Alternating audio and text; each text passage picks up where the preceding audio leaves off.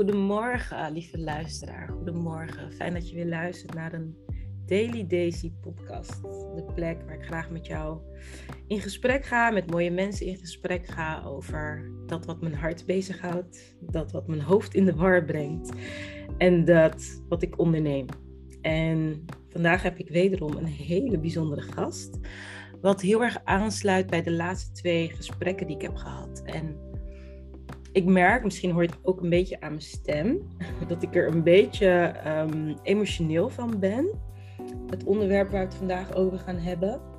En dat heeft meerdere redenen. Een ervan is dat ik een beetje een schorre stem heb, omdat ik gisteravond een hele diepe uh, helingsproces heb mogen ehm, ervaren. Wat heel erg ging over de opgeslagen pijn uit mijn moederlijn doorvoelen en uitschreeuwen. Daarom heb ik een beetje schorre stem. ik zit ook in een hotel en dat wij dit ehm, opnemen. Omdat ik dacht, ja, maar dan zit ik midden in de nacht te schreeuwen. Dan worden mijn kinderen wakker. Dat kan ik niet maken. En dus ik dacht, gaan we naar een hotel. Ga ik daar herrie maken. Maar ik heb dus heel, heel, hele diepe pijn gevoeld. En eigenlijk heeft dat juist verlicht. En dat is dus wel een mooi contrast, vind ik. Dat ik zie dat wij in Nederland heel erg willen wegrennen van het negatieve, weg willen rennen van pijn. En dat juist door er naartoe te bewegen, het ruimte te geven, er veel meer liefde bestaat. En iemand die dit op een hele bijzondere manier vind ik, ik ben echt stiekem verliefd op haar, op haar brand, om het zo te zeggen, is Masha Struik. En Masha Struik heeft heel goed en heel specifiek kunnen vastpakken waar zij het verschil wil maken om dus meer hart, meer openheid, meer verbinding en uiteindelijk dus ook meer gevoel en positiviteit te brengen. En dat wil ze doen in de jeugdhulp. En de, de overeenkomsten die ik in haar boek heb gelezen met wat ik zie in mijn werkveld en wie ik ben als mens, hebben me zo diep geraakt. En ik ben je dankbaar, Masha, dat je er bent. Ja, ik vind het ook heel erg bijzonder, uh, deze, ook deze, deze intro. Ik ben er gewoon een beetje stil van. Uh, en ik voel ook met je mee en ik herken ook zo dat, um, uh, alleen heb ik er niet zo mooi woorden aan kunnen geven zelf, dat meer ruimte voor pijn geeft liefde en geeft licht. Ja. Maar dat kan alleen door die pijn heen. Of zo. Ja. ja. ja, en daarom heeft jouw boek mij zo geraakt. Want dat is iets wat ik al zo lang voel en zo lang manieren zoek om dat te zeggen, om dat te vertellen. Maar ook dat ik vaak. Oh, je bent ook meteen geraakt. Ja, ja ik ben ook zo lekker licht geraakt. dus, als, dus als jij dan, zeg maar, en we hebben het over deze thema's die ook zo ontzettend dicht bij mij liggen. Hmm. Ja, dan, ja, dan gaat mijn hart ehm, snel open, maar met traanbuizen ook, laat ik het zo even noemen. Ja, en, en dat vind ik prachtig. Dus ik, ik, ik, ben, ja, ik ben heel dankbaar dat we het er gelijk over hebben. Maar dat is wel iets wat ik zo lang al zie. Van, ehm, ik begeleid vooral vrouwen hè, om dus hun missie te leven en zichzelf daar niet in te verliezen. Um, en wat ik zelf heb ervaren en wat ik dus zie en wat ook in mijn moederlijn is, is dat we zoveel opproppen. Zoveel binnenhouden. Zoveel niet naar buiten brengen en eigenlijk van binnen kapot gaan. Uh, en op het moment dat ik dus gevoeliger ben, word ik voor gek verklaard. En word ik naar aangekeken. En die pijn begin ik nu te erkennen van, ja, maar ik ben er nu klaar mee dat mijn pijn er niet mag zijn.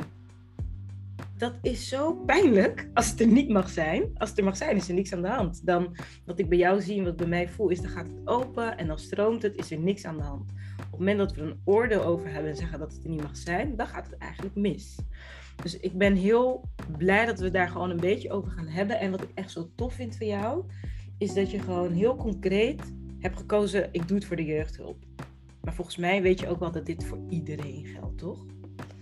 Ja, weet je, ja zeker. En um, weet je, ik, ik kom gewoon uit de jeugdhulp in die zin dat ik daar gewerkt heb. Ik ben een professional, jeugd, een orthopedagoog als opleiding, zeg maar. Dus ik heb in de jeugdzorg gewerkt. Mm En wat, uh, wat je daar gewoon ziet, is dat er ongelooflijk lieve, betrokken, bevlogen professionals werken. Die echt heel graag mensen willen helpen. Dat is de ene kant. En aan de andere kant heb je te maken met ouders en kinderen en jongeren uh, die geholpen worden die, door die professionals, maar die zich niet gehoord voelen. Mm -hmm. en, uh, en dat fascineerde mij. nou ja, fascineerde, verbaasde. Ik maak me verdrietig over, maak me boos over alles wat erbij komt. Ja. Ehm, en toen ben ik eens gaan, ja, gewoon dieper gaan zakken. En dat heeft ook gewoon met mijn eigen reis te maken. Ja, maar wat gebeurt hier nou? Ja. En ehm, ik gun namelijk ehm, mensen, ik ben een soort wereldverbeteraar. En ook, uh, ik, ja, weet je, liefde is er om gedeeld te worden of zo. En er is genoeg liefde. Maar we zitten elkaar een soort in de weg en je zit jezelf zo vaak in de weg. En um, uh, ik, toen ben ik op zoek gegaan van, maar wat is dan het proces? Wat voor professional moet je zijn Mhm. om dan toch die liefde uh, ook te laten spreken in je werk? Oh, wat mooi dit. Ja. En, uit, en uiteindelijk kwam ik er ook achter. Dat is ook als ik hem heel, uh, heel erg plat sla, is het gewoon zorgen ervoor dat je eerst mens bent en dan pas je professionele pet op zit. Dat is een hele korte samenvatting. Ja. En ik ben inderdaad begonnen in de jeugdzorg. Maar ik merk, weet je, ik, ik dacht al wel, dit is breder. Want het is namelijk, gaat gewoon over mezelf, mijn eigen reis die ik gemaakt heb. Dus het gaat voor Mhm. meer mensen. Mhm. Maar dat is nu ook zo. Ik, ik ben nu, van de week was ik bij een thuiszorgorganisatie. Om, uh, waarbij hetzelfde speelt. Het, het speelt ook in de ouderenzorg. En het speelt zelfs eigenlijk bij de kapper. Je voelt bij de kapper, knipt iemand goed mijn haar? Of knipt iemand goed mijn haar omdat hij het leuk vindt om hier nu met mij te zijn en mijn haar te knippen en dit te doen? Ja. Dat Ja. voel je. Ja, absoluut. En de wereld wordt zoveel mooier als, um, uh, als je op ieder moment er meer gewoon met je hart bent. Ja, absoluut. Ik ben het helemaal mee eens. Ik kan het niet. Kan het, ik had het niet anders kunnen verwoorden. Waar ik wel ondertussen heel benieuwd naar word, want je zegt het nu drie keer, is mijn reis, mijn reis, mijn reis. Uh, en ik ben super nieuwsgierig naar. Uh, ja, wat, wat is er in jouw reis gebeurd waardoor je je hart moest openstellen, misschien wel? Uh, en is er een periode geweest waarin die dan op slot was? Ja, nou, dan is het altijd uh, de uitdaging om dan een soort van compacte versie van je levensverhaal te geven. Want er zijn natuurlijk duizend haakjes. Misschien, hè, wat voor meeste invloed.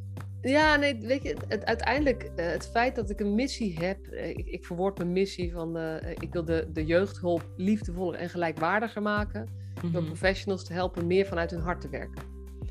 Uh, en um, dit gaat dus inmiddels jeugdhulp, maar eigenlijk het hele sociaal domein, maar ook het onderwijs, de hele zorg. Dat ik denk van jongens, laten we alsjeblieft meer liefde en meer gelijkwaardigheid. En daar hebben we een beetje lef voor nodig, dus laten we het zo voor elkaar krijgen. Ja, en meer mens zijn, hoor ik jou vooral zeggen. Meer mens zijn, ja. ja. En uh, dat heeft alles te maken met hoe ik zelf ben opgegroeid. En, uh, ik ben uh, opgegroeid in, een, ehm, in een gezin wat, wat best wel afstandelijk was.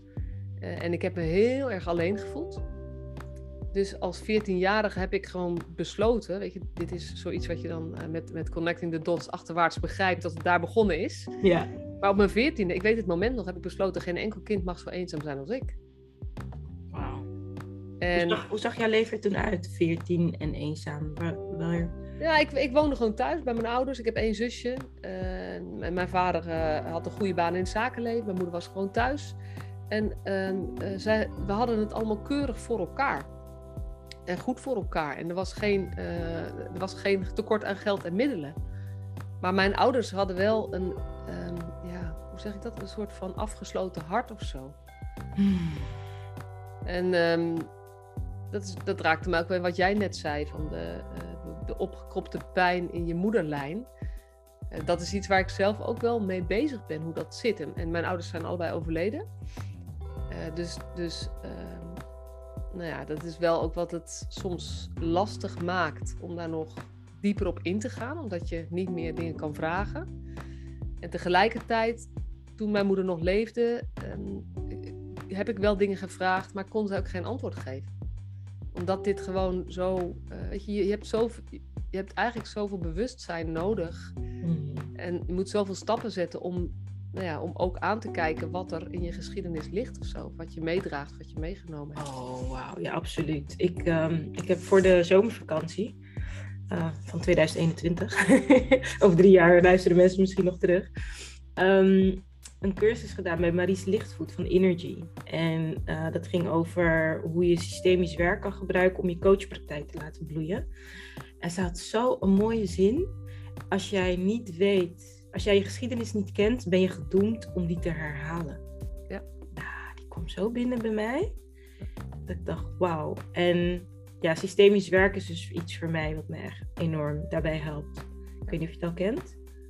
Ja, want uh, weet je, je vroeg van, van hoe komt, wat is mijn reis? mijn reis begon dus daar. Ja. Uh, en um, van daaruit ben ik ook pedagogiek gaan studeren. Want ik dacht, geen enkel kind mag zo eenzaam zijn als ik. Wow. Bij mij ging het over ouder-kindrelatie en, en wat er omheen stond, zeg maar. Mooi. En uh, weet je, um, mijn ouders waren echt niet gemeen. Maar ze konden echt hun hart niet openstellen. Dus ik voelde me wel. Zij hebben mij niet tekort gedaan, maar ik, ik kwam wel tekort. Ja.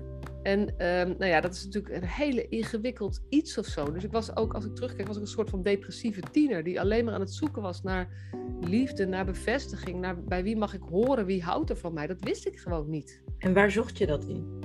Wat uh, um, weet je? Ja, ik, ik, ja, dat is op zich wel een mooi verhaal. Want uh, jij, uh, jij begon met, met een gebed ook. Dat Mhm. raakte me ook heel, heel, heel erg. Want in mijn tienertijd ben ik bij een, een tienergroep terechtgekomen. Ik ben, ik ben niet christelijk opgevoed. Mhm. Ik ben bij een tienergroep terechtgekomen, interkerkelijk. En daar voelde ik iets wat ik nog nooit gevoeld had. Oh, wauw. Ik weet nog dat ik daar binnenkwam en een van die eerste liedjes was: Weet je dat de vader je kent, weet je dat je van waarde bent. En dat is, dat is wel echt voor mij een. Um, nou ja, weet je, je kan op allerlei manieren liefde zoeken. Maar ik ben blij dat ik daar terecht gekomen ben. Ja, oh wat mooi dit. Ja, nou ja, dat hoef ik niet te vertellen, ja. denk ik. Maar ik zeg het toch van, ja, weet je, ik denk dat God is, is staat synoniem voor liefde. Ja. ja. Dat is mijn ja. overtuiging. Ja, en dat is ook als ik, um, weet je, ik, ik deel niet zozeer over mijn, over, uh, over uh, wat, wat voor plek geloof God heeft in mijn missie. Want um, ja, weet je, ik, ik ben veel meer op die jeugdhulp gericht of zo. Ja. Maar het plaatje wat ik altijd in mijn hoofd zie, al heel erg lang, is een L. Ik krijg liefde van boven en dat geef ik door. Oh, wat mooi. Dus die, die streep komt zeg maar van boven zo. Ja. Hè? Ik, ik zeg maar even ja. door je kruin naar je hart. En die Ja. vanuit je hart zo rechtdoor door dat muurtje heen breken. Ja, ja, ja. Prachtig. Zo zie ik dat.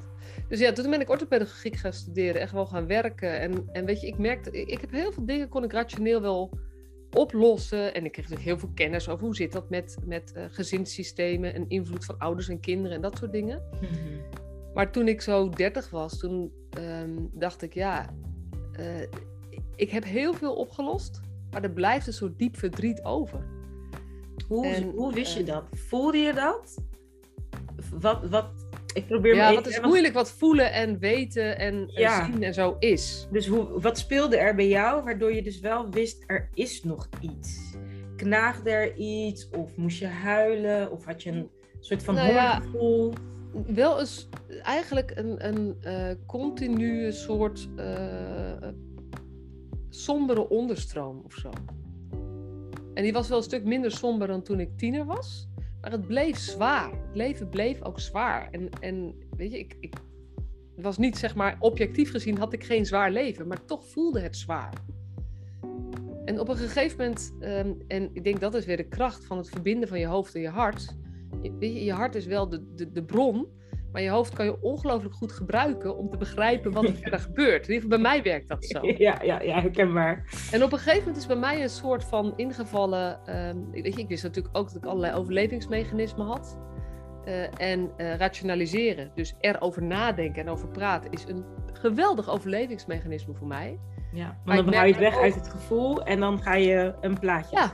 Ja, en daar heb ik heel veel mee opgelost. Maar ik merkte ook dat ik niet meer verder kwam met het verder erover nadenken. En ik dacht wel, ja, dit is gewoon niet wat ik. Ja, ik wil gewoon nog anders in het leven staan of zo. Dus toen heb ik op een gegeven moment in mijn hoofd is een soort klik gekomen. Ik wil van overleven naar leven. Ja. En hoe precies, ja, heb ik een super mooie vraag. Daar ga ik eens over nadenken. Daar heb ik nu geen antwoord op. Maar toen ben ik eh, op zoek gegaan naar, oké, wat dan? En toen ben ik ehm, eh, persoonlijke ontwikkelingsdingen gaan zoeken. Toen ben ik naar Phoenix opleidingen gedaan, gegaan in Utrecht. Die hebben een driejarige opleiding, ehm, eh, professionele communicatie heet die. En die is op basis van transactionele analyse, NLP en systemisch werk. Fantastisch.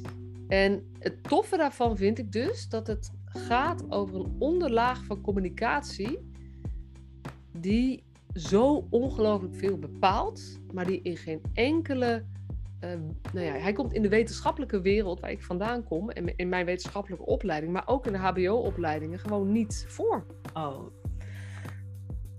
En dit is dus precies een pijnpunt voor mij. Want als jij dit zo zegt, denk ik echt, ja, maar dit is precies waar, waar ik voel dat ik over ga. Hè? Dat je echt vanuit je gevoel komt opdagen. Vanuit een diepe weten, vanuit je intuïtie. En in, in stap 10 van mijn boek, hè, wij zitten bij dezelfde uitgever. Ja. maar ik heb wel een mooiere kleur, vind ik zelf. ja, dat vind ik ook. Ik heb, ik heb paars met roze in mijn branding. Ik dacht, roze was eigenlijk toch leuker. mijn boek is knolroze, voor als jullie het niet weten. Ja. Hetzelfde als mijn pakje reflectiekaarten. En ja, het is bij dezelfde tint. Ja, nee, hele mooie roze. En stap 10 voor mij gaat over uh, de kracht van woorden. En dat die, op het moment dat je dus vanuit waar praat je, dat, hè, dat probeer ik dan ook uit te leggen. Van, het gaat niet om de woorden, het gaat een beetje om de intonatie, maar het gaat vooral over wie het zegt. Vanuit, vanuit zijn komen. En wat jij zegt, het staat nergens in de wetenschappen. Voor mij is het wel een wetenschap, vanuit mijn lichamelijke wijsheid. En ik heb continu het gevoel dat ik daardoor tegen muren aanloop. Dat mensen denken, waar heb je het over? Waar heb... Ja, het staat niet in boeken, ik kan, niet, ik kan niet meten, dus dan kan ik het ook niet weten. En dat iets wat voor mij zo wezenlijk is, eigenlijk wordt genegeerd. Wat dan weer een patroon is van mijn trauma. Mijn gevoelens worden genegeerd. Nou, echt. En, en ik denk dat daardoor jij en jouw verhaal en je missie en wie jij bent me daardoor zo raakt. Want ik denk, zie je wel. Zie je wel. Die connectie maakt het verschil. En, nou, en precies dat, hè? Als, want ik kom dus uit de jeugdzorgwereld, waar ook uh, echt professionals met zeg maar, echt hun best doen om de mensen te helpen. Maar de mensen voelen zich lang niet altijd geholpen en ze voelen zich niet serieus genomen. Terwijl mensen het echt wel proberen. Het grote probleem is dat het in mijn wereld, en dat is bij de ouderenzorg nu ook, het gaat vooral over wat die professionals dan doen en of ze dat goed doen. Ja. Maar wat verschil maakt, is wie doet het. Ja. ja. Dus precies wat jij zegt. En, uh, en eigenlijk is mijn, dat is ook hetgene wat ik steeds, en waar ik heel lang ook over getwijfeld heb, ja, kan ik dat wel tot mijn missie maken? Want het is niks. Is toch en erg? Is alles. Ja. Juist. Maar dat, nou ja, en daarom ben ik blij dat wij, het voelt alsof we twee werelden, weet je, twee levenspaden die hiermee bezighouden, even mogen bundelen. Dus ja, voor mij is het een soort expensive uh, podcast, weet je wel, van het, dat niks krijgt bestaansrecht. Zo voelt het voor mij. En binnen het onderwijs is dit ook zo. Ik heb veel trainingen gegeven in het onderwijs. Ik heb een methodiek ontwikkeld. Um, wat gaat over persoonlijke ontwikkeling hè, voor jongeren. En daarna ben ik dus ook docenten gaan opleiding om die training te gaan geven.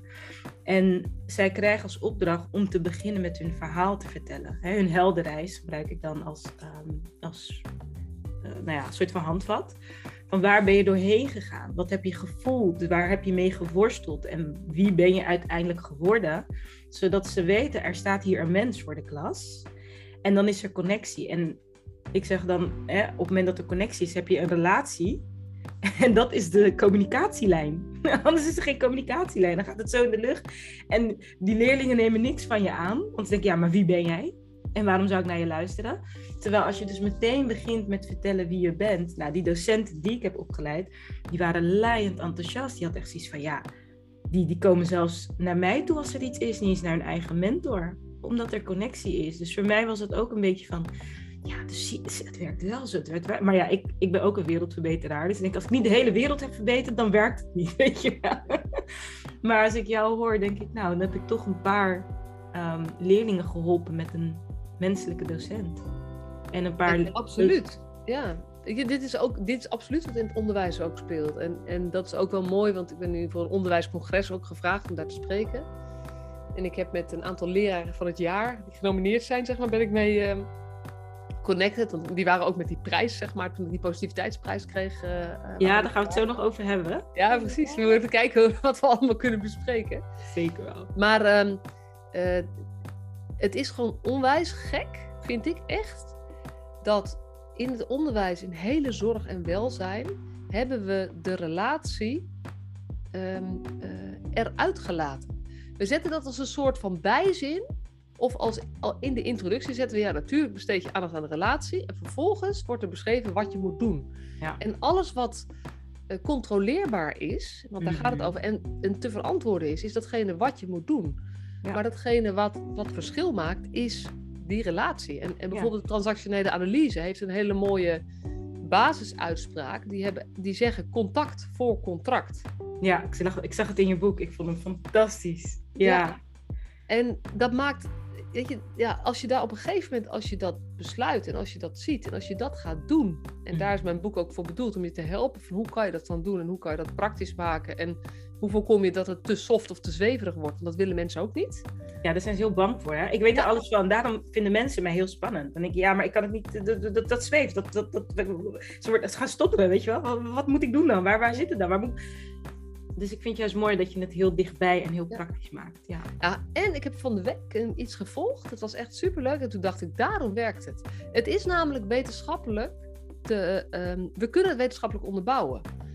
En dat heeft te maken met spiegelneuronen. Spiegelneuronen, ik heb er nog niet in verdiept. Dus ik geef zeg maar een soort van wat ik ervan begrepen heb. Geef ik nu eventjes, eh, ga ik nu Ja. vertellen. Dus luisteraars, reken mij niet af op ontbrekende kennis. Misschien vertel ik volgende maand een ander verhaal. Maar spiegelneuronen zorgen ervoor dat als wij elkaar zien en met elkaar in gesprek zijn, dat we op elkaar afstemmen. En dat als ik gaap, dat jij ook gaapt. En dat als, Mm. ik, als jij huilt, dat ik me geraakt voel en ook tranen in mijn ogen krijg. Dus dit zijn spiegelneuronen. En die, ja, hoe dat dus precies werkt, weet ik niet. Maar, maar die hebben de meeste mensen. En bijvoorbeeld mensen met, met een sto- stoornis in het autisme spectrum. Die, daar is, is gaat het moeilijker met de spiegelneuronen. Dus daarom kunnen zij moeilijker afstemmen op anderen. Dus als je dit dan vertaalt naar bijvoorbeeld onderwijs, of bijvoorbeeld ehm, een begeleidingsvorm, of bijvoorbeeld zorg of jeugdzorg, waar je eigenlijk graag wil dat de ander zich open gaat stellen voor jou, is de meest handige en meest effectieve manier om dat zelf voor te doen.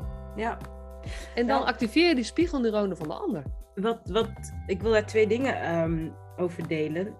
Allereerst dat daar ook de doelgroep vrouwelijke ondernemers bij hoort. Want ik richt me op vrouwelijke ondernemers die dus met hun verhaal anderen willen inspireren.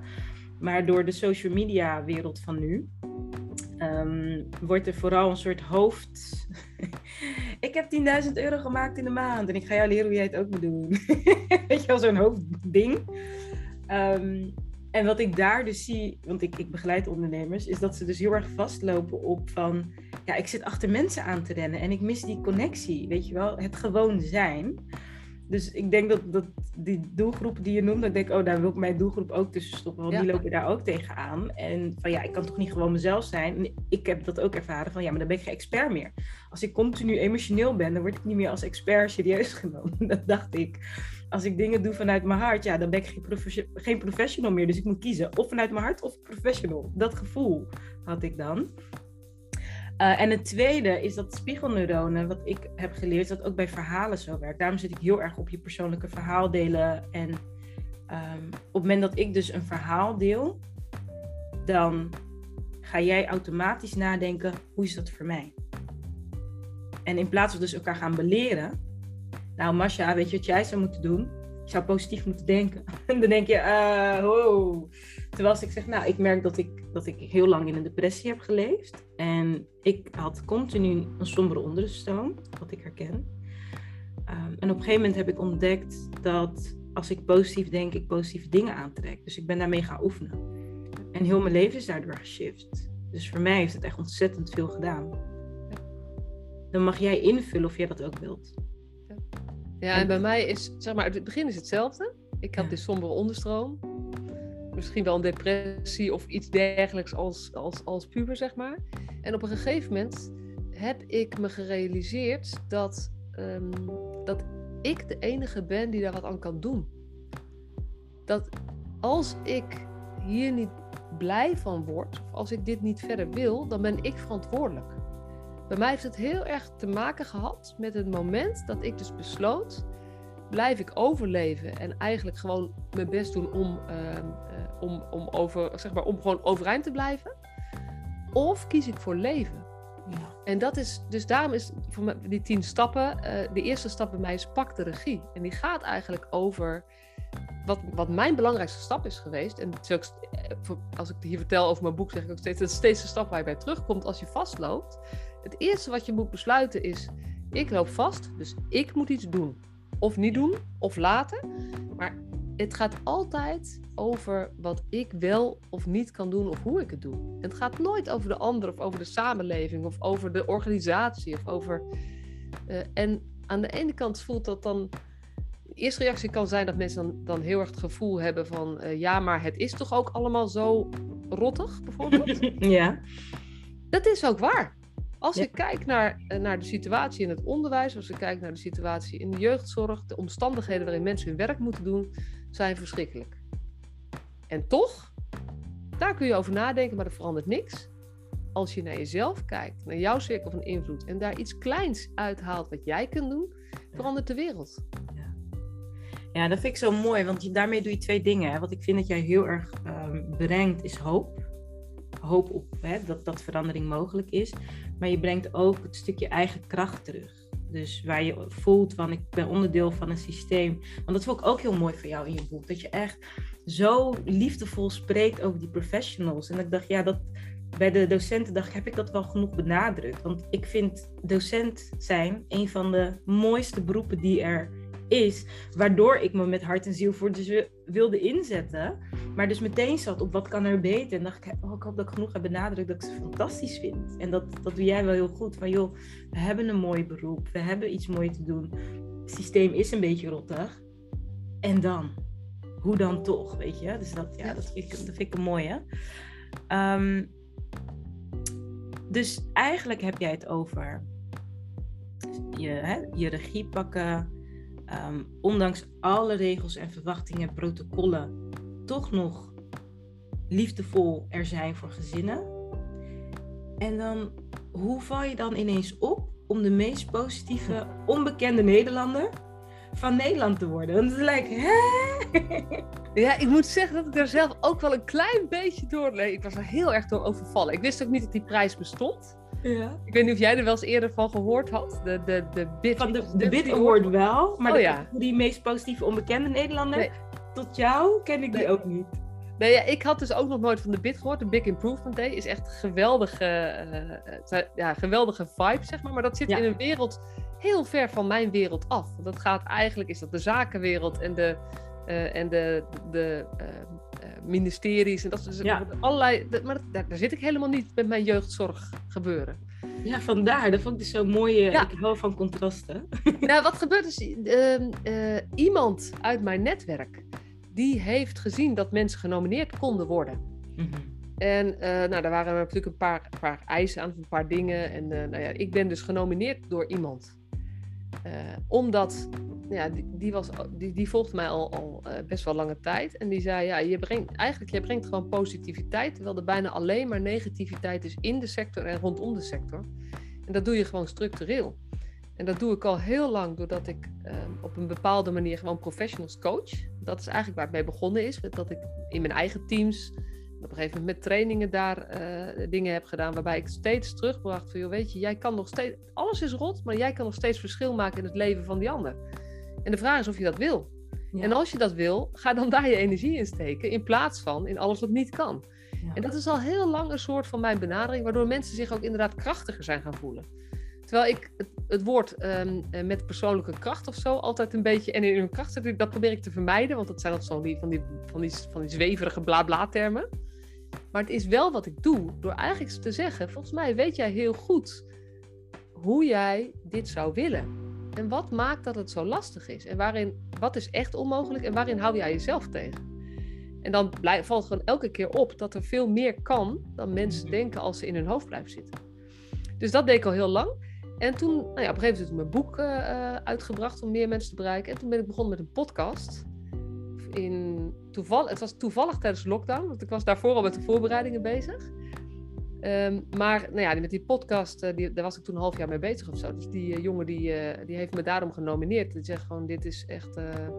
je bent gewoon ehm, stug, onverstoorbaar bezig met een positief geluid en een ander geluid laten horen in een sector waar zo ontzettend veel over geschreven wordt, ingezegd wordt, iedereen de mening over heeft en jij staat gewoon voor iets anders.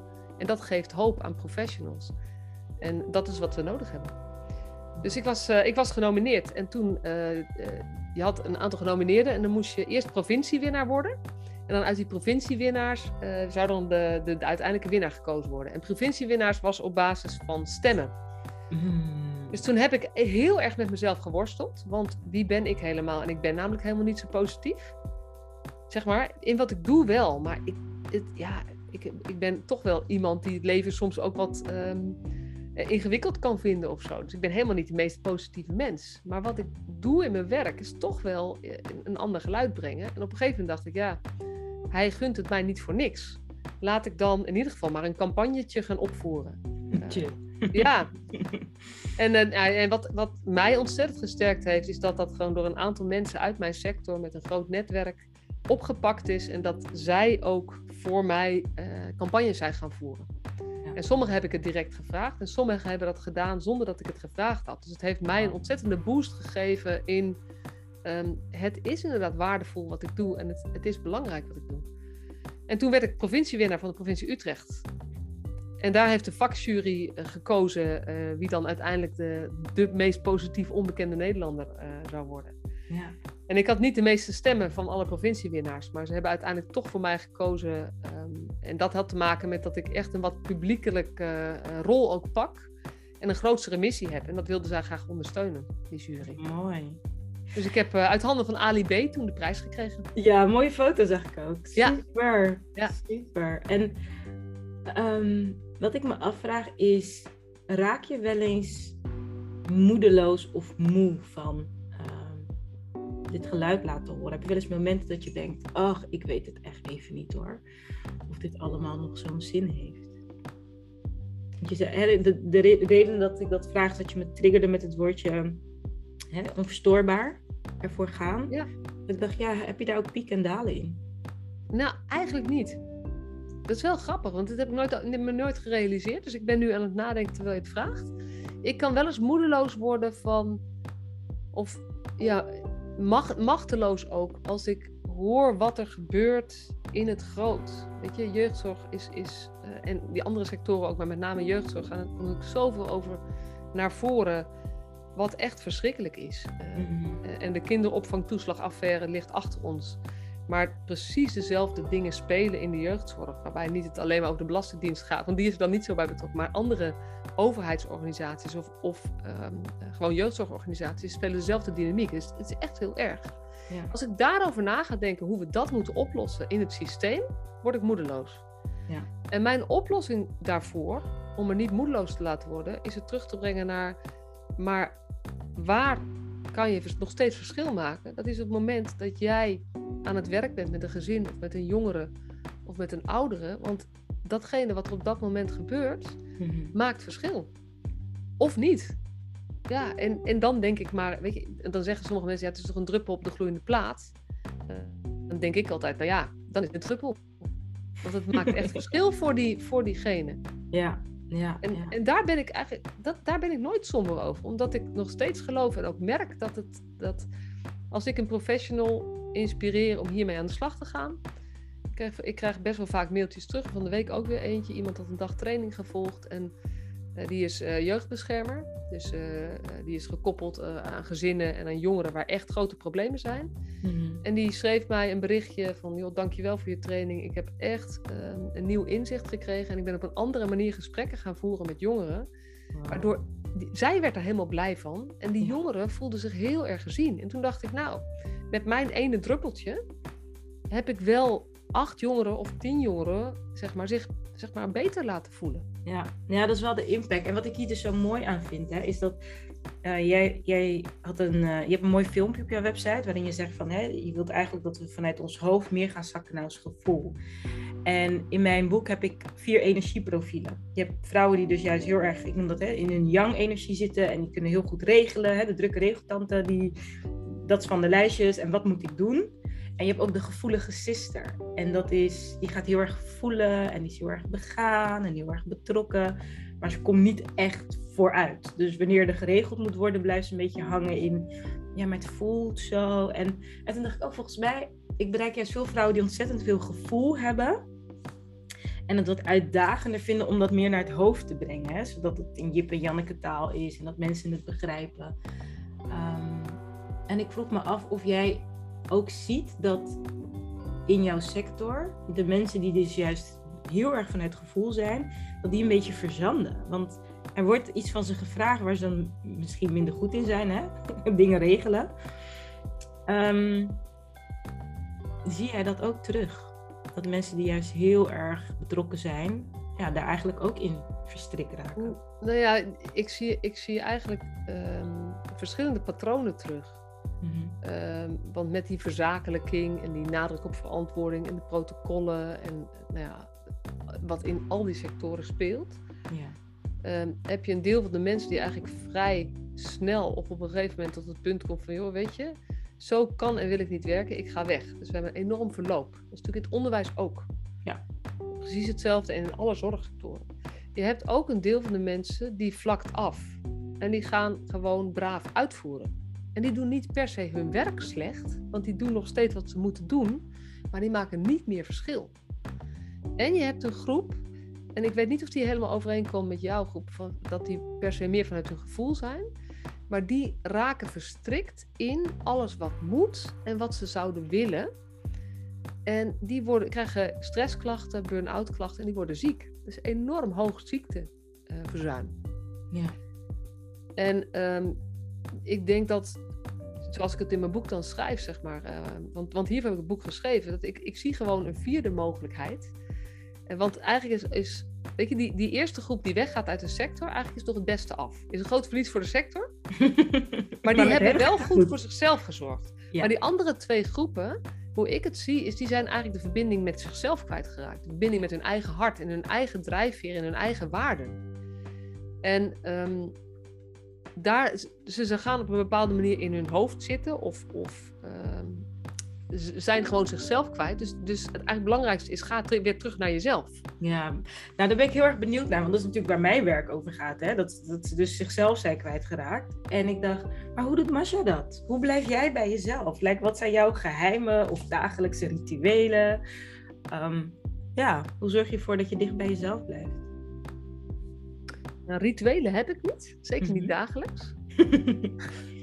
en dat is wel grappig, want dat is wel. Ehm, ik ben toch. Ik, ik weet zelf niet eens zo goed. Ik ben een ongelooflijk gevoelsmens. Met een hele sterke intuïtie.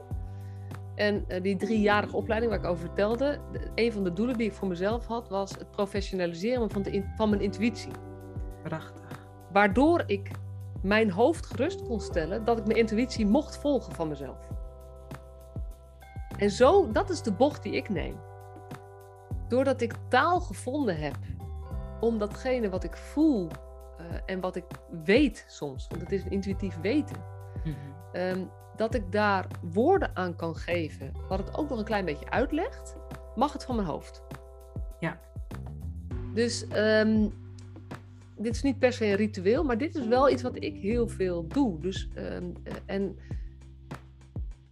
ik probeer heel erg alert te, ja, ja, of ik kom er steeds meer achter dat hoe meer ik ergens uh, over aan het denken ben, dan kan ik ook gewoon echt, ik, ben, kom ook echt, vroeger piekerde ik heel veel en zo, en nu niet meer zoveel, omdat ik gewoon dichter bij mezelf leef. Ja, dan krijg je het gewoon minder druk in je hoofd. Dat is echt super fijn.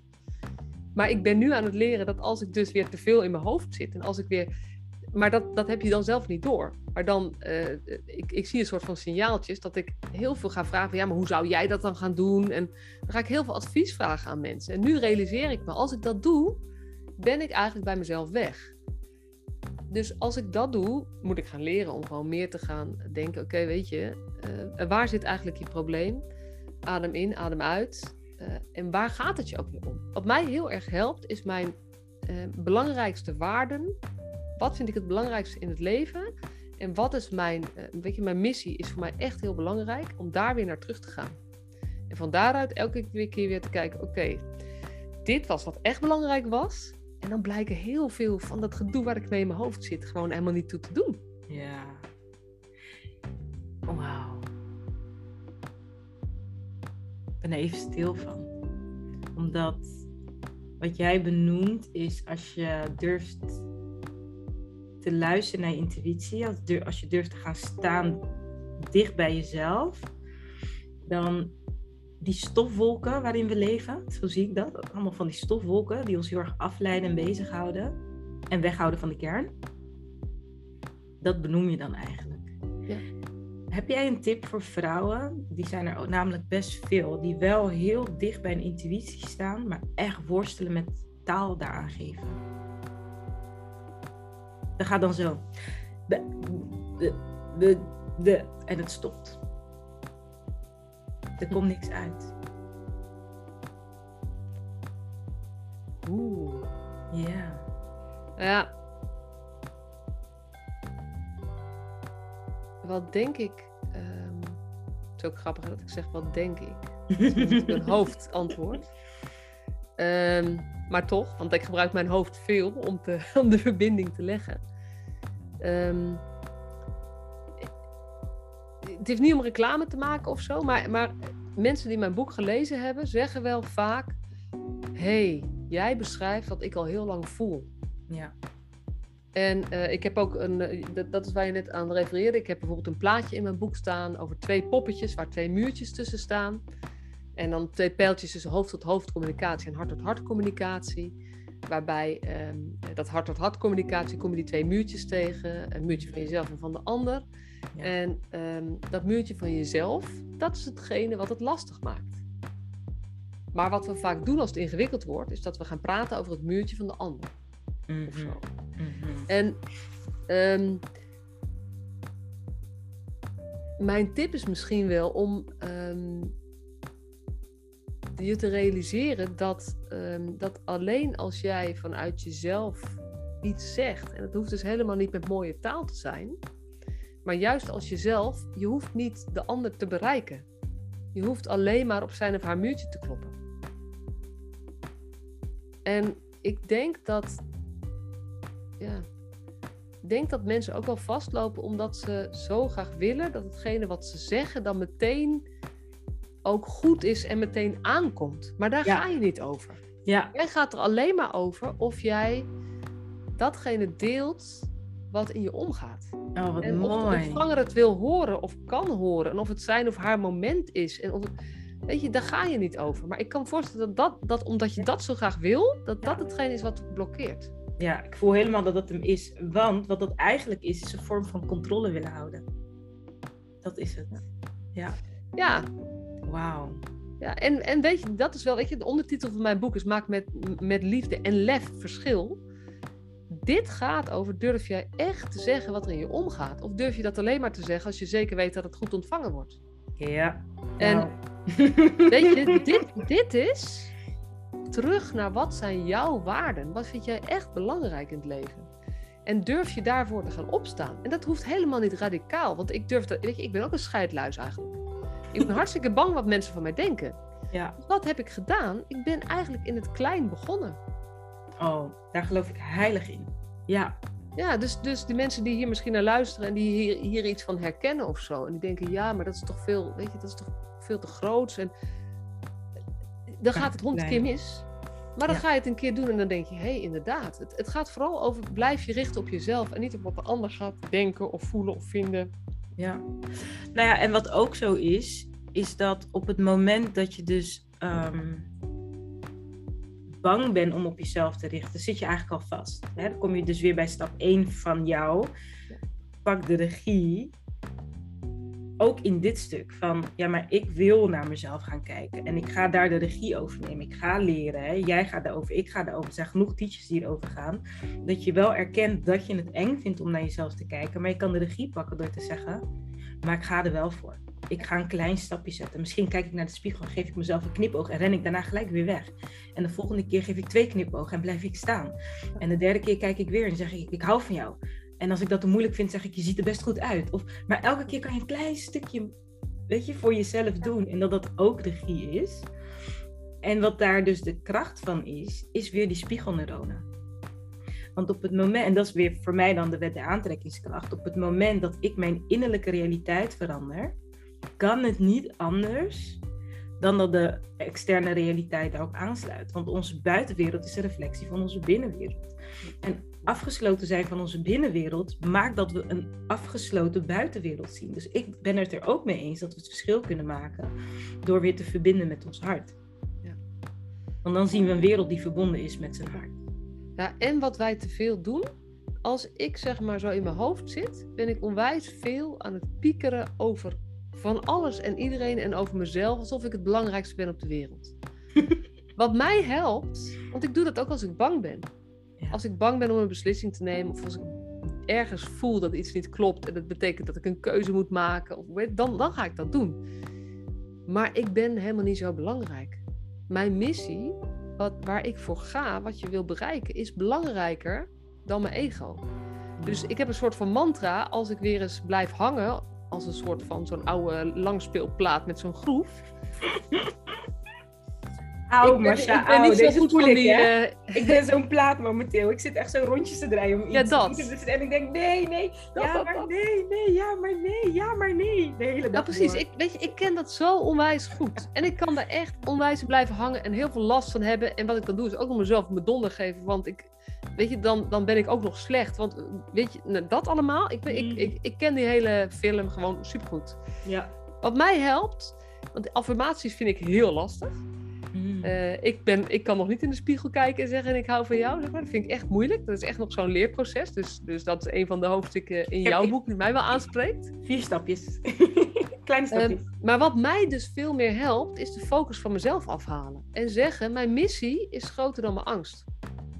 Mm. Door mij helpt het door mijn missie centraal te stellen. En dan eigenlijk tegen mezelf, net zoals nu ook weer. Weet je, ik zit weer op zo'n punt dat ik best wel wat bereik heb maar nog niet zoveel als ook zou kunnen.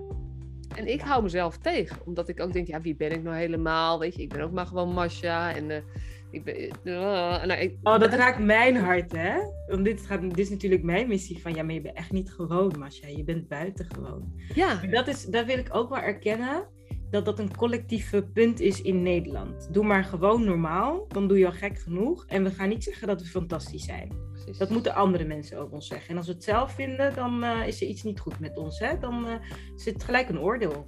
Nou, en er zit ook een dun lijntje in. Dus wat mij dan helpt, want ik heb heus wel geprobeerd ook met affirmaties en zulke soort dingen om dan. En ik, dat werkte bij mij gewoon niet zo goed. Dus wat bij mij gewoon heel erg helpt, dus is op een gegeven moment, en dat is dan wel weer regie nemen en streng zijn aan mezelf Ga je nou je eigen uh, stomme hersenspinsels, zeg maar, belangrijker vinden dan je missie? Ja. Je hebt toch een groter doel hier? Je bent toch wereldverbeteraar?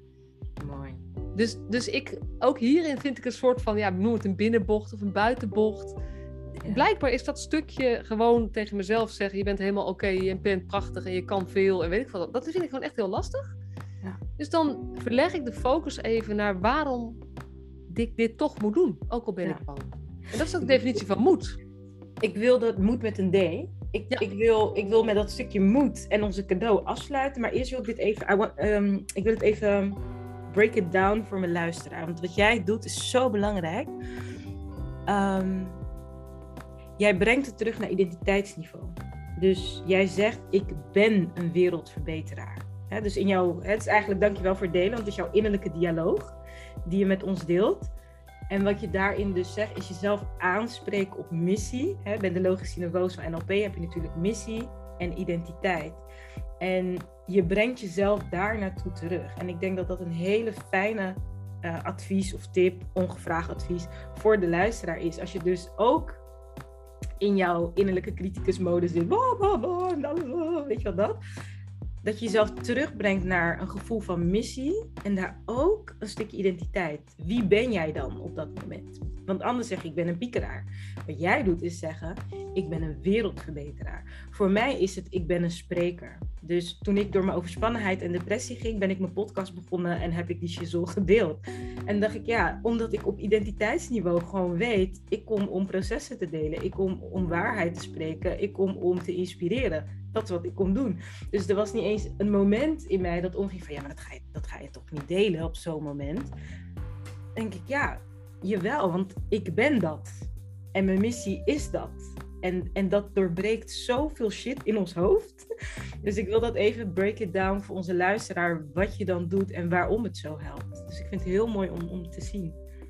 Ja. ja, en ook mooi voor mij. Weet je, dit is, dit is natuurlijk gewoon hoe ik. Ja, dit is hoe mijn hoofd dan werkt of zo. Hoe ik, om dan ook weer eventjes te zien in welke. ehm, in welk. Gewoon abs- geabstraheerd wat ik dan doe. Ja. Want dat klopt wel. Dat als ik, als ik mezelf kwijtraak. Ja. Ga, dan ga ik ook over mijn eigen gedrag. Ga ik vooral zitten piekeren. Ja, en dat zijn overtuigingen. Hè? Als je Ja. de epidemiologische niveaus aanhoudt, dan, dan kom je dus vast in belemmerende overtuigingen. Ja. En mijn doelgroep heeft heel veel last van deze. Wie ben ik nou? Wie zit op mij te wachten? Wat heb ik nou te zeggen? Mijn verhaal doet het toch niet toe. En ik Ja. doe het toch helemaal niet zo goed. En Ja. ja, ik moet misschien eerst even naar de kapper. Ik moet eerst even afvallen. Ik moet eerst mooie kleren hebben. Ik moet eerst leren voor de camera spreken. Ik moet eerst een mooie website hebben. Zijn we vier jaar verder en dan zijn ze er nog niet. Weet je wel? Ehm, dus ik wil ook echt eh, ons mooie gesprek richting het stukje moed brengen. Moed om de liefde te verspreiden en lef om de liefde te verspreiden. En wat ik heel erg voel is feel the fear and do it anyway. Want de wereld heeft ons hart nodig. Ja, ja, ja, ja, ja. ja. Zo heet ook het filmpje. We hebben Ja, je hart precies. nodig. We hebben Je je het niet hart zelf met bedacht de T. trouwens, maar hij is heel mooi. Ja. Nou, en dat is dus ook moed. Moed komt natuurlijk, hè. Courage is van, de, van keur. En keur is ook hard. Ehm, dus ik denk dat de- als we dan toch heel veel van die vrouwen die, die ik eh, mag coachen zijn, een beetje een redder. Dat komt omdat ik ook een beetje redder ben. Dus ik trek vrouwen aan zoals ik. Ehm, en als we dus de wereld willen redden, hebben we te stoppen met redden. Dat, en dat, je, ik ben namelijk, ik, ik ken die ook heel goed, maar ik ben dus geen redder meer. ja, wat ben je nu? Een wereldverbeteraar. Mooi. In de zin van dat ik mensen help om zelf, bij, zeg maar, het verspreiden van we kunnen het samen gewoon beter maken. Als iedereen zijn eigen kleine stukje oppakt en het 5%, zeg maar, 5% meer verschil maakt dan gisteren, Ja, dan hebben we morgen een mooiere wereld. ja dat is super klein. En dat vind ik wel leuk, want jij zei moed en courage. Gisteren hoorde ik lef, met een V, is het Hebreeuwse woord voor liefde. Oh. Nog zo mooie. Ja. Ja. Nou, weet je wat ik zo mooi vind in dit gesprek? Want ik geloof dat alles wat ik doe weer een stukje informatie geeft voor mijn zielspad. En wat ik hier heel erg voel, is dat ik me bevestigd voel om eh, God als bron van liefde ook aan te houden. Die, die kwam bij mij heel erg binnen. Dat ik dacht, oh, daar is die weer hoor. Hij komt altijd terug. Ehm, dat ook al is het wetenschappelijk niet onderbouwd of snappen mensen het niet. Ik geloof in de kracht van het hart. En ik blijf mensen inspireren om te leven vanuit het hart. En een van mijn waardes is cadeautjes geven. Echt, ik vind het zo leuk om te geven. Ik ben ook aan het leren ontvangen. Maar het cadeautje dat ik heb ontvangen van jou, wat ik mag doorgeven aan mijn luisteraar, is jouw boek. In 10 stappen professional vanuit je hart. Maak met liefde en lef het verschil in de jeugdhulp. Nou, je hebt het al gehoord, dit gaat echt over veel meer dan de jeugdgroep. Dus als het ergens even gaat over eh, de protocollen, weet je, stel je voor, je bent een vrouwelijke ondernemer. Je hebt ook allemaal regels voor jezelf bedacht. Je zit ook allemaal verstrikt in hoe je als ondernemer moet zijn, hoe je moet gedragen op social media, hoe je als moeder moet zijn. Eh, ik zit nu vijf dagen in een hotel. Nou, mijn ego heeft echt zoiets van, nou, wat voor moeder ben jij? Je gaat toch niet vijf dagen weg uit je gezin? Dat is ook een soort van protocol. Ehm, maar als je je hart gaat volgen, dan maak je het verschil. En Masha's boek kan je daarin hele praktische handvaten geven. Ik vind het echt een mooi boek. Het heeft me heel erg geraakt. En ik mag die met je delen. Hoe kan je die winnen? Want ik ga er wel natuurlijk iets tegenover zetten. Hoe kan je het winnen? Je kunt mij een DM sturen of een mail sturen. Of als je in de Daily Daisy community zit, maakt niet uit. Maar ik wil je hart horen. Wat is jouw hartekreet? Deel jouw hartekreet met mij. Van wat is jouw gevoel of boodschap waarvan je voelt, ik wil die zo graag delen met de wereld. Eigenlijk doe ik je daar een cadeau mee door je deze opdracht te geven. Uh, want wat we aan het begin zeiden, op het moment dat je dus ruimte maakt voor wat in je hart zit, komt er letterlijk meer liefde in de wereld. En ik kies dan, even kijken hoor, uiterlijk wanneer. Ik zal het op 10, op, nee, 10 oktober is te kort. 20 oktober, ik geef je even de tijd. 20 oktober ga ik een winnaar uitkiezen. Deel je hartekreet. En dan ga ik laten weten wie heeft gewonnen. En dan krijg je het boek thuis opgestuurd. Ja, en als ik iets mag toevoegen, als je wil meehelpen om de wereld mooier te maken. Deel de hartekreet dan niet alleen met Daisy, maar verspreid hem. En doe dat of bij, door de mensen om je heen, uh, of misschien op social media. Nou, dan is het natuurlijk helemaal leuk als je uh, een van ons of allebei tagt. Hoeft ja, niet, mag dan wel. kunnen we je volgen. Kunnen we maar, wat, volgen. maar waar ik heel erg in geloof is, het is super fijn als jij je geraakt voelt, maar dan kan jij nu een inspiratiebron zijn voor de mensen om jou heen. En zo kunnen we het licht verspreiden. Mooi. Ja. Ja, daar ben ik het wel mee eens. Ik weet dat ik mensen ook, zeg maar, die eerste set soms geef. En dat in, oud in die open te groot is. Um, maar ik, zeker dank je wel dat je wel benadrukt dat oud in die open nog meer verschil maakt. Dus dat is zeker zo. En, en dat is ook als je het aan één vriendin zegt. Dit hoeft Ja. niet, weet je, als jij nog nooit, als je dat heel spannend vindt, dan moet je het zeker niet op Instagram gaan zetten. Maar dan is eigenlijk de uitdaging, als je toch al aan Daisy durft te mailen, dan is er vast iemand in je omgeving met wie je het ook kan delen. En dan heb je al twee keer zoveel resultaat. super. Masja, is er nog iets waarvan je denkt dat wil ik nog heel graag delen in deze podcast? Of met mij? Weet je wel. Nou, ik vind het echt een ontzettend waardevolle ontmoeting. En ook zo mooi ehm, hoe simpel het eigenlijk is. En ehm, hoe ingewikkeld het we het zelf eigenlijk maken. En eh, vooral vrouwen zijn daar volgens mij ontzettend goed in. ik heb heel veel werk, Masja. Ik heb heel veel werk. Ja, nou, dat gun ik je ook van harte. Dat gun ik je van harte. Maar weet je, dat is wel denk ik het laatste stukje van mijn reis. Ik zei natuurlijk van een sombere tiener, sombere twintiger. Naarmate ik meer regie ben gaan nemen, en, en regie is dan zo'n controlewoord, maar het gaat ook over naarmate ik meer verantwoordelijkheid ben gaan nemen over wat ik zelf doe en of ik me laat beperken door mijn eigen overtuigingen en in mijn hoofd blijf zitten en dat. Naarmate ik meer verantwoordelijkheid neem, ben ik gewoon blijer, gelukkiger, positiever geworden en kan ik meer betekenen voor de mensen om me heen. Ja. Dus het is, ik, ik noem het bewust een reis, want het is, niet een, eh, het is niet een keuze en een verandering die van vandaag op morgen is, maar ik, ik, ik gun het echt iedereen om ook op, zijn, op haar eigen reis soort van, van te gaan. En iedere dag weer in het klein te kijken van hé, hey, maar hoe kan ik dan iedere keer weer ja zeggen tegen waar ik echt in geloof? En Ja. eh, nou ja, zo eh, help je dan met, met ons, onze gezamenlijke missie om de wereld een beetje mooier te maken en meer liefde te geven. Want wij kunnen dat niet eh, met z'n tweeën. Dat is juist iets wat we met z'n allen moeten doen. Nee, en anders hadden we dit gesprek gewoon met z'n tweeën gehad, ergens aan een café, weet je. We doen het ook omdat we weten van, hè, als een paar mensen dit horen, kan er weer iets geraakt worden. Waardoor zij het weer doorgeven en zij het weer doorgeven en zij het weer doorgeven. En ik geloof dat we allemaal echt mogen vertrouwen op dat het uitmaakt wat we doen en delen. Dus dank je wel. Het, ja, het gaat om de reis van je, van je hoofd naar je hart. 40 centimeter hoorde ik. Maar daar doe je een leven lang over. dus dank je wel voor de paar millimeter die we mochten verschuiven vandaag met z'n tweeën. Ja. En ehm, ja, wie weet tot de volgende keer. Ja, nou, ik vond het echt eh, super waardevol. Heel mooi. Dankjewel voor de uitnodiging. En eh, eh, ja, ik ben dankbaar voor onze ontmoeting. Ik ook. Ik ga al jouw contactgegevens in de show notes zetten, zodat mensen jou kunnen volgen. Heb je liever je website, je Facebook, je Instagram, je LinkedIn of allemaal? Ik, eh, het mag allemaal. Ik ben het meest actief op LinkedIn. En ik zit met een soort van plan om iets op Instagram te doen. Maar daar heb ik een soort van weerzin nog tegen. Vanwege dat het dan allemaal zo mooi moet en zo. En ik daar niet zo van hou. En mijn website is handig. En mijn podcast natuurlijk. Ik heb een eigen podcast. eh, Professional vanuit je hart podcast. Ja. Eh, en dat is wel gericht op jeugdzorg professionals. Mhm. Maar ik hoorde laatst van iemand die in een hele andere sector werkt. En die zei, hoezo voor jeugdzorgprofessionals? Want ik haal er zoveel uit voor mijn werk.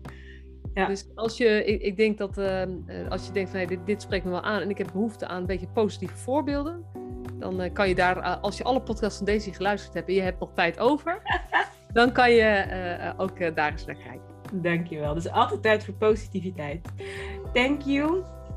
Tot de volgende keer en ik wens je een hele positief weekend. Dag lieve luisteraar, bedankt voor het luisteren. Bedankt voor het stukje hart dat we mochten raken en tot de volgende keer.